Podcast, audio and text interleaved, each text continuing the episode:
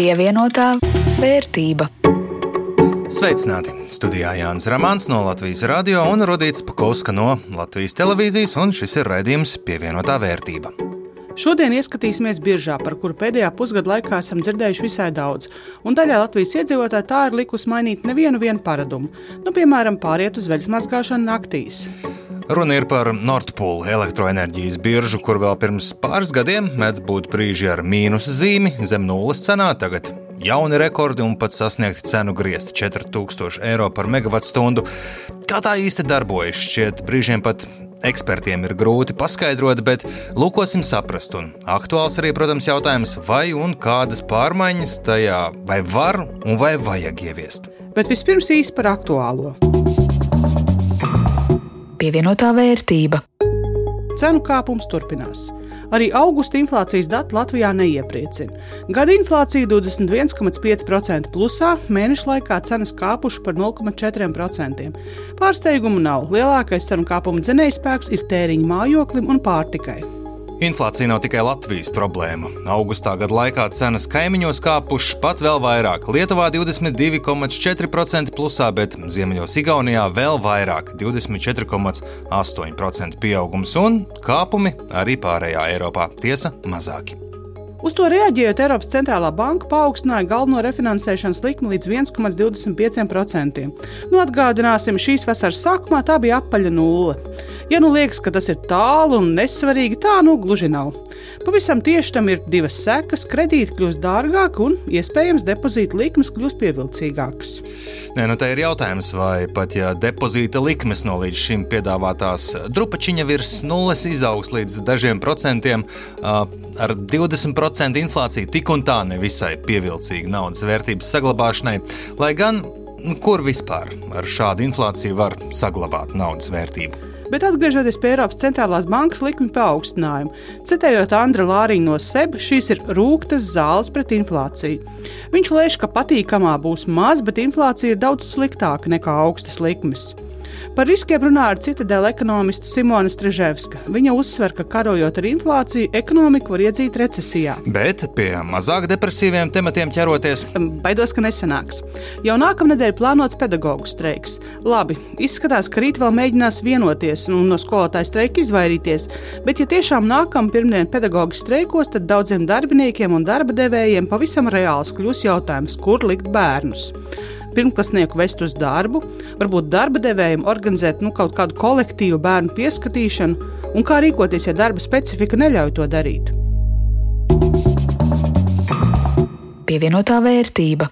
Laiks izpildīt solīto, un turpinājumā par elektrību un tās cenu. Diemžēl tā nu tas ir, ka jo īpaši tiem, kam ir biežas tarifs, pēdējā laikā cenas lēkā no stundas uz stundu, kā tādam sirds aritmijas slimniekam aizvien augstāk un augstāk. Mazliet ar mazāku stresu, bet, protams, cenu kāpums nonāk arī līdz tiem, kam fiksēts vai dinamisks tarifs. Un aktuāls, protams, jautājums, kā tā cena biržā top un vai tā tiešām, tiešām ir adekvāta? Tev, piemēram, Rudīt, ir skaidrs, kas un ko pērk tajā Nordpūļa biržā un kā izveidojas tā gala cena, kuru konkrētajā stundā tad nu visi maksā. Nu, tik daudz jau, ka elektrības ražotāji tur pārdod elektrību tiem, kas elektrību savukārt tirgo tālāk iedzīvotājiem. Nu, tik tālu es saprotu, nu, tāds elektrības tirgus placis. Bet vai šis tirgus darbojas patērētā, tas ir, lai būtu pēc iespējas zemāka cena, vai tomēr elektrības ražotāji, lai būtu pēc iespējas augstāka cena, interesēs? Uz to man atbildes nav. Tieši uz šiem jautājumiem, un arī ko tad mums visiem vajadzētu darīt, lai būtu mazāk jāmaksā par elektrību, atbildes meklēt devās Linda Zalāna. Viņu uz sarunu aicināja sabiedrisko pakalpojumu regulēšanas komisijas enerģetikas departamenta tirgus uzraudzības nodaļas ekspertu Reini Āboltiņu. Šajā biržā, ja raugās patērētāji un elektrības ražotāji intereses, vai tās ir līdzvērtīgas? Šeit droši vien ir jāuzsver, ka elektroenerģijas birža ir vairumtirgus. Tur nav runa par, nu, teiksim, par maza mēroga darījumiem. Runa ir būtībā par vairumtirgu, kur lielie ražotāji un, un lielie tirgotāji veic šos darījumus. Biržas primārais mērķis, un to ir ļoti svarīgi uzsvērt, ir nevis maksimizēt vai maksimāli palielināt tirgotāju vai ražotāju iespējas nopelnīt, bet gluži otrādi nodrošināt to, ka pircēju pusē ir iespējams dabūt vai nopirkt elektroenerģiju par optimālo cenu, respektīvi par iespējami zemāko cenu, kādu vispār saražotā elektroenerģija tajā brīdī varētu maksāt. Respektīvi, biržai pat, lai cik tas paradoxāli varbūt neizklausītos daudziem, ir tāda sociālās labklājības funkcija. Tā kā biržas primārais mērķis ir samazināt pircēja izmaksas. Uz tirgu mēs sakām, mēs arī ejam uz tirgu, jo tur varētu nopirkt kaut ko mazliet lētāk par labāku cenu. Kā veidojas elektrības cena biržā un kas to ietekmē? Tas galvenais princips eh, biržā ir tāds, ka tirdzniecības portfelī vispirms nonāk tās jaudas, ražošanas jaudas, tad tehnoloģijas un resursi, kas nodrošina elektroenerģiju ar viszemāko ražošanas pašizmaksu sākot ar pašu lētāko tehnoloģiju un resursu, un beidzot ar pašu dārgāko tehnoloģiju un resursu. Un parasti biržā arī izdodas eh, to lielāko pieprasījumu daļu nosegt ar tām tehnoloģijām un resursiem, kas izmaksā mazāk vai kuru pašizmaksa ir zemāka. Bet, diemžēl, situācijās, kad, piemēram, ir vai nu slikta ūdens pietece, vai vējš nav pietiekami stiprs Baltijas jūras reģionā, vai ir arī starpsavienojumu ierobežojumi, kas savieno dažādas biržas cenu zonas. Un dažādas valstis līdz ar to, kā piemēram Zviedrija ar Lietuvu vai Somiju un Igauniju, un, un Baltijas valsts, protams, savā starpā ir arī starpsavienotas. Tad, ja ir kādi šādi traucējumi vai ierobežošana ražošanā vai, vai pārvadē, elektroenerģijas pārvadīšanās starp dažādām tirgus zonām, tad tas nozīmē, ka sāk pietrūkt šo te, var sākt pietrūkt šo lēto jaudu vai vienkārši izsakoties lētās elektroenerģijas.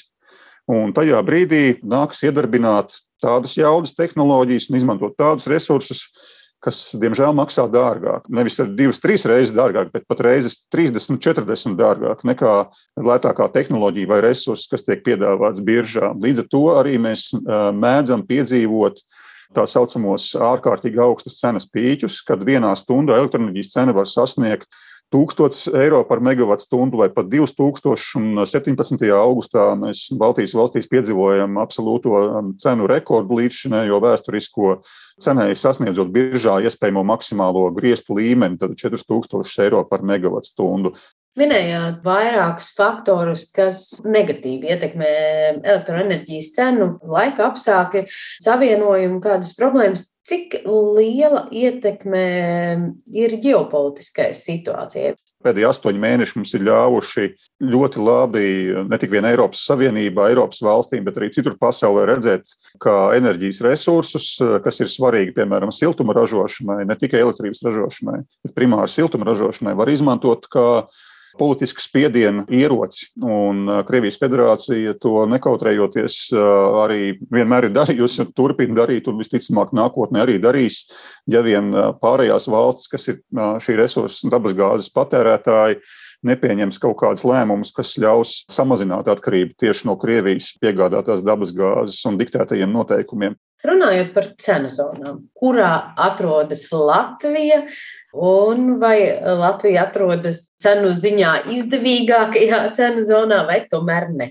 Jā, nu, ja mēs runājam par eh, Nordpūlu biržu, kas ir Ziemeļvalstu un Baltijas valstu birža, tur situācija diezgan dažāda. Vienā spektra galā ir nu, četras valstis, kurās eh, ir tikai viena cenu zona, proti, visa valsts teritorija ir viena vienīga cenu zona, un tā ir Somija, Igaunija, Latvija, Lietuva. Tās ir tās četras valstis, kurās ir tikai viena cenu zona. Savukārt, nu, Zviedrijā, piemēram, ir četras cenu zonas, un Norvēģijā pat piecas cenu zonas. Un Dānijā, kas ir teritoriāli vismazākā no šīm valstīm, tajā arī ir divas cenu zonas. Tas ir tādēļ, ka šajās valstīs ir nevienmērīgi izvietoti, tīri geogrāfiski, fiziski nevienmērīgi izvietoti ražošanas aktīvi un galvenie patēriņa punkti vai patēriņa vietas. Nav tik viennozīmīgi. Nav visā Zviedrijā lētāka elektroenerģija, un arī visā Norvēģijā nav lētāka elektroenerģija. Runājot par iespējām nākotnē, tuvākā vai tālākā, tomēr panākt to, ka Latvijā elektroenerģijas cena būtu zemāka nekā pat labi. Proti, kas ir tie soļi, kas ir jāizdara tīri infrastruktūras ziņā? Tur saule, vējš, kas mums jāizdara, kas tiem jāizdara?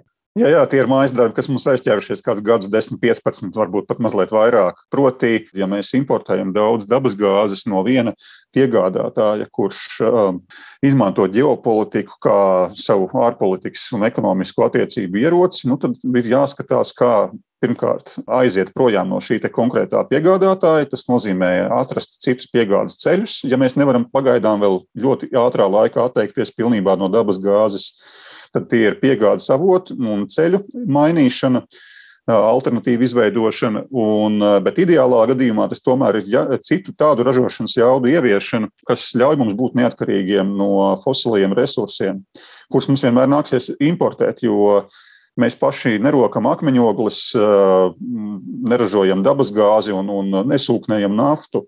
Un uh, tas nozīmē, ka mums ir jābūt nu, strateģiski tālredzīgākiem un jāražo pašiem savu elektroenerģiju ar to, kas mums ir. Ja mēs zinām, ka mēs esam līdzenumu zeme, Hesus mēs uz Daugavas vairāk nebūvēsim, uz citām upēm arī pārāk liela ietekme uz vidi. Tas nozīmē, ka mums ir jāliek savas likmes uz tām tehnoloģijām, kas šobrīd arī pasaulē tiek uzskatītas un, un objektīvi faktiski ir ar zemāko enerģijas ražošanas pašizmaksu. Proti, tās ir vēja elektrostacijas, it īpaši atkrastē, bet ne tikai arī uz sauszemes. Un otrs lētākais enerģijas ražošanas veids šobrīd, kas ir, tās ir saules fotovoltiskās elektrostācijas, proti, saules elektrostācijas, tā vienkārši sakot. Un saules un vēja enerģija ir enerģija, ko Startautiskā enerģētikas aģentūra pirms apmēram pusotra gada savā ikgadējā analītiskajā ziņojumā nosauca par enerģijas karaļiem. Līdz ar to Domāju, ka Latvijai nevajadzētu būt, mēģināt būt ļoti oriģinālai, izdomāt kaut ko absolūti ģeniālu savu, ja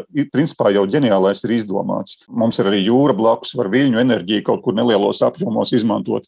Jo mūsu patēriņš arī nav ļoti liels salīdzinot ar citām valstīm, piemēram, Rietumē Eiropā. Līdz ar to nu, mums nevajadzētu nenormālus apjomus šo tehnoloģiju uzstādīt, un mēs jau spētu sevi Eh, nodrošināt ar elektroenerģiju, kuras pašizmaksa būtu krietni zemāka nekā, piemēram, dedzinot dabas gāzi elektrības ražošanai. Dzirdējām sarunu ar tirgus uzrauga, sabiedrisko pakalpojumu regulēšanas komisijas enerģētikas departamenta ekspertu Reini Āboltiņu. Un ir tā, ka jo vairāk cilvēki iedziļinās, jo aizvien biežāk publiskajā telpā gan eksperti, gan politiķi diskutē arī par to, vai pašreizējā kārtība, kā darbojas Nordpūļa birža, ir optimāla un vai tajā būtu ieviešams kādas izmaiņas. Jā, arī Linda Zalāna nelikās mierā un pie dažādu nozaru ekspertiem devās skaidrot, kuras tad ir tās vājās Nordpūļa vietas un vai un kā tās var labot.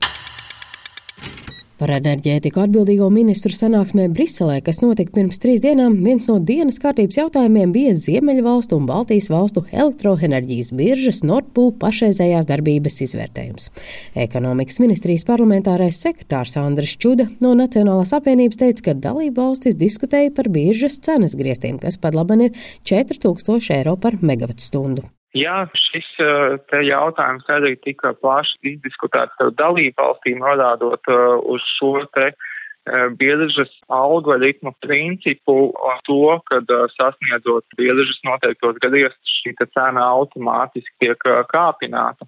Arī Latvijas pozīcija ir tāda, ka šis princips ir nekavējoties jāmaina. Un, šādu gadījumu paaugstināšana ir jāaptur un uh, jānosaka daudz zemāks līmenis, kas varētu būt tūkstots uh, eiro par megawatu stundu, kas vienalga jau ir nesamērīga cena, jo objektīvā cena, kas ir tāds atbalsta plēcis, ir nevairāk kā 200 eiro par megawatu. Čuda teica, ka Nordpūl biržas darbības sakārtošana ir laika jautājums. Birža pati sakārtosies tajā brīdī, kad mums izdosies uh, no atsaistīt gāzi, kas šobrīd ir šī tirgus kropļojošā komponente, bet uh, jau pieminētais uh, algoritms, kad automātiski tiek palielināti šīs cenas griezti, tam bija vienprātība, ka tas ir jāmaina. Sabiedrisko pakalpojumu regulēšanas komisijas pārstāvis enerģētikas eksperts Rēnis Abotiņš skaidro, ka ekstrēma augstās elektrības cenas atsevišķās diennakts stundās pievērš arī bloka valstu regulātoru uzmanību. Tāpat situāciju vērtē arī pats Nordpūl, jo tā interesēs nav izraisīt tirgus sabrukumu. Protams, ka visi gan uzraugošās iestādes, gan arī pašas biržas, nu šajā gadījumā mūs, mēs esam Nordpūl birža, sadarbojas regulatīvajām iestādēm. Tātad Latvijā tas ir Sabiedrisko pakalpošanu regulēšanas komisija, arī ar citiem regulātoriem reģionā sadarbojas, lai skatītos, vai nu, nav notikušas kaut kādas lietas, kuras būtu jāizskauž, vai piemēram, tirgus dalībnieki nav veikuši vienu vai citu veidu manipulēšanu tirgu, vai biržas algoritmi ir strādājuši pienācīgi, un vai ir kaut kādi faktori, kas nav nostrādājuši tā, kā tam vajadzētu, lai nodrošinātu optimālu cenu. Pēc abultiņa paustā pagaidām esot priekšlaicīgi izdarīt kādus secinājumus, kas bija cēlonis ekstrēmi augstajām elektrības cenām konkrēto situāciju analīze notiek, un uh, visticamāk, ka kaut kādā pārskatāmā nākotnē arī mēs uh, nonāksim pie secinājumiem, tad varēsim jau padalīties ar uh, tādu informāciju, kas ir rūpīgas analīzes rezultāts, nevis vienkārši spekulācija. Latvijas elektroenerģētiķu un energobūvnieku asociācijas izpildirektors Gunārs Valdmanis teica, ka 17. augusta rekords, kad konkrētajā stundā elektroenerģijas stundas cena Latvijā sasniedza biržas griestus, jeb jau minētos 4 tūkstošus eiro par megawatu stundu, neatspoguļoja faktiskās enerģijas ražošanas izmaksas. Valdmanis uzsver, ka pat laban biržas darbība nav optimāla un tirgus reforma jāveic tā, lai tā būtu labvēlīga abām pusēm, gan patērētājiem, gan elektrības ražotājiem patērētāju dzīves arī ir viens no tiem iemesliem, kāpēc mēs vispār esam nonākuši šādā situācijā. Un eh, ir jāpasaka godīgi arī patērētājiem, ka tā situācija, ko viņi ir baudījuši, piemēram, 20. gadā, ja, kad pat nedēļām cenas turējās zem 10 eiro, ka tā nav ilgspējīga un ka šādai nu, neilgspējīgai tirgus situācijai vienmēr un visos neizbēgami būs nelabvēlīgas sekas. Līdz ar to ir jāmeklē tāds saprātīgs kompromiss attiecīgi gan starp ražotāju, gan starp patērētāju, tā lai patērētājiem nu, ne, netiktu radīta situācija, ka viņš var atļauties nemaksāt faktiskās enerģijas ražošanas izmaksas, kurās ir jāierēķina tātad gan investīcijas, gan arī strādājošu atalgojums. Savukārt enerģētikas eksperts Juris Ozoliņš Nordpūl biržu tēlēni dēvē par divvietīgām šūpolēm, kurās patērētāji un ražotāji šūpojas vienmēr kopā. Pēc Ozoliņa domām izskanējušie paziņojumi, ka Eiropas mērogā vajadzētu atsaistīt elektrības cenas veidošanos tirgu tirgo no gāzes cenām, kopumā ir vērtējumi atzinīgi, tomēr vērienīgas izmaiņas biržas darbībā viņa prāt nav nepieciešamas. Ļoti ieteiktu nemainīt šo mehānismu. Tirgus regulēšana tad, ka vēl jau vairāk apgabalā, kur ir tik ļoti nospiedošā daudzumā atjaunojamie un ja avoti bez emisijām, nevajadzētu to traucēt lai cik tas arī izskatītos vilinoši.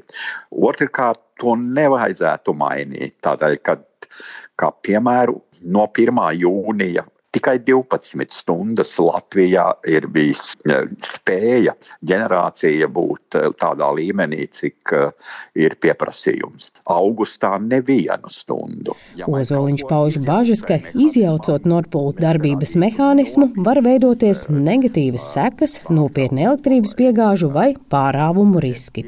Linda Zalāne, Latvijas radio. Un īsi noslēgumā ielūkosimies citā biržā. Baltijas akciju tirgu tāda ļoti mierīga aizdītā nedēļa. Vidējā temperatūra Baltijā, jeb kopējais Baltijas biržas indeks samazinājās par 0,3%. Pavalkot vēl no ārā no detaļām, kāpums tikai Tallinā par pieticīgiem 0,08%. Viļņā kritums par nepilnu procentu, bet Rīgas indeks sarucis par teju 2%. Manam portfelim tas viss nozīmē, ka 429 eiro aizdītajā nedēļas laikā ir spējuši papildus nopelnīt nieka 31 centu. Tā kā praktiski bez pārmaiņām. Ak, nu, un man jāatzīst, ka mana portfeļa vērtība nedēļas laikā arī nedaudz samazinājusies, nu, gluži tā kā indeksi, un nu ir pāris eiro zem psiholoģiski nozīmīgās 400 eiro atzīmes. Bet, nu, kopumā bez lielām izmaiņām. Pievienotā vērtība. Ar to arī skan raidījums pievienotā vērtība. To jums veidoja Jānis Rāmāns no Latvijas radio un Rudīts Pakausk no Latvijas televīzijas par labskaņu rūpējās Kaspars Groskops. Uz tikšanos jau pēc nedēļas, un tikai atgādināšu, ka gan šo, gan citus mūsu raidījumus var atrast arī radio mājaslapā, raidierakstu vietnēs un radio mobilajā aplikācijā.